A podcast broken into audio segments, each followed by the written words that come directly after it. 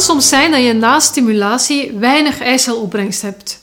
En hoe, hoe komt dat nu? Wat kan je eraan doen? Een van de redenen is simpelweg je leeftijd. Dus het kan zijn dat je minder eicel ter beschikking hebt vanwege je leeftijd. Naarmate je ouder wordt, daalt je eicelreserve.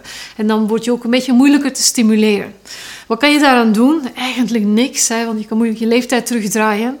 Maar wat je wel kan doen, is ervoor zorgen dat de eicellen die je nog hebt, dat die van optimale kwaliteit blijven. En hoe je dat doet, dat vind je in een linkje onder dit filmpje.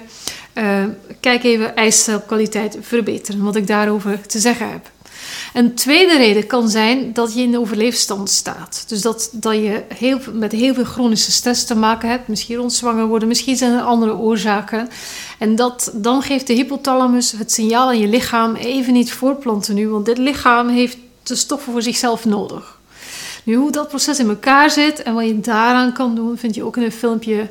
Klik even op het linkje onder dit filmpje.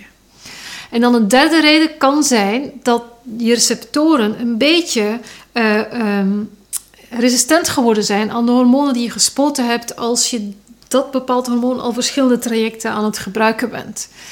En dan is het heel belangrijk dat je of met arts overlegt: kan ik een keertje een ander soort hormoon gebruiken voor de stimulatie? Of dat je even de tijd neemt, daar zou mijn voorkeur naar uitgaan. Eerst even je lichaam goed ontgiften van de hormonen eh, die je al die tijd gebruikt hebt.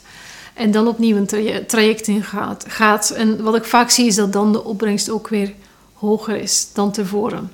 En het kan ook simpelweg zijn dat je, dat je arts misschien te weinig hormonen gebruikt hebt. Dus in dat geval overleg ook even met je arts.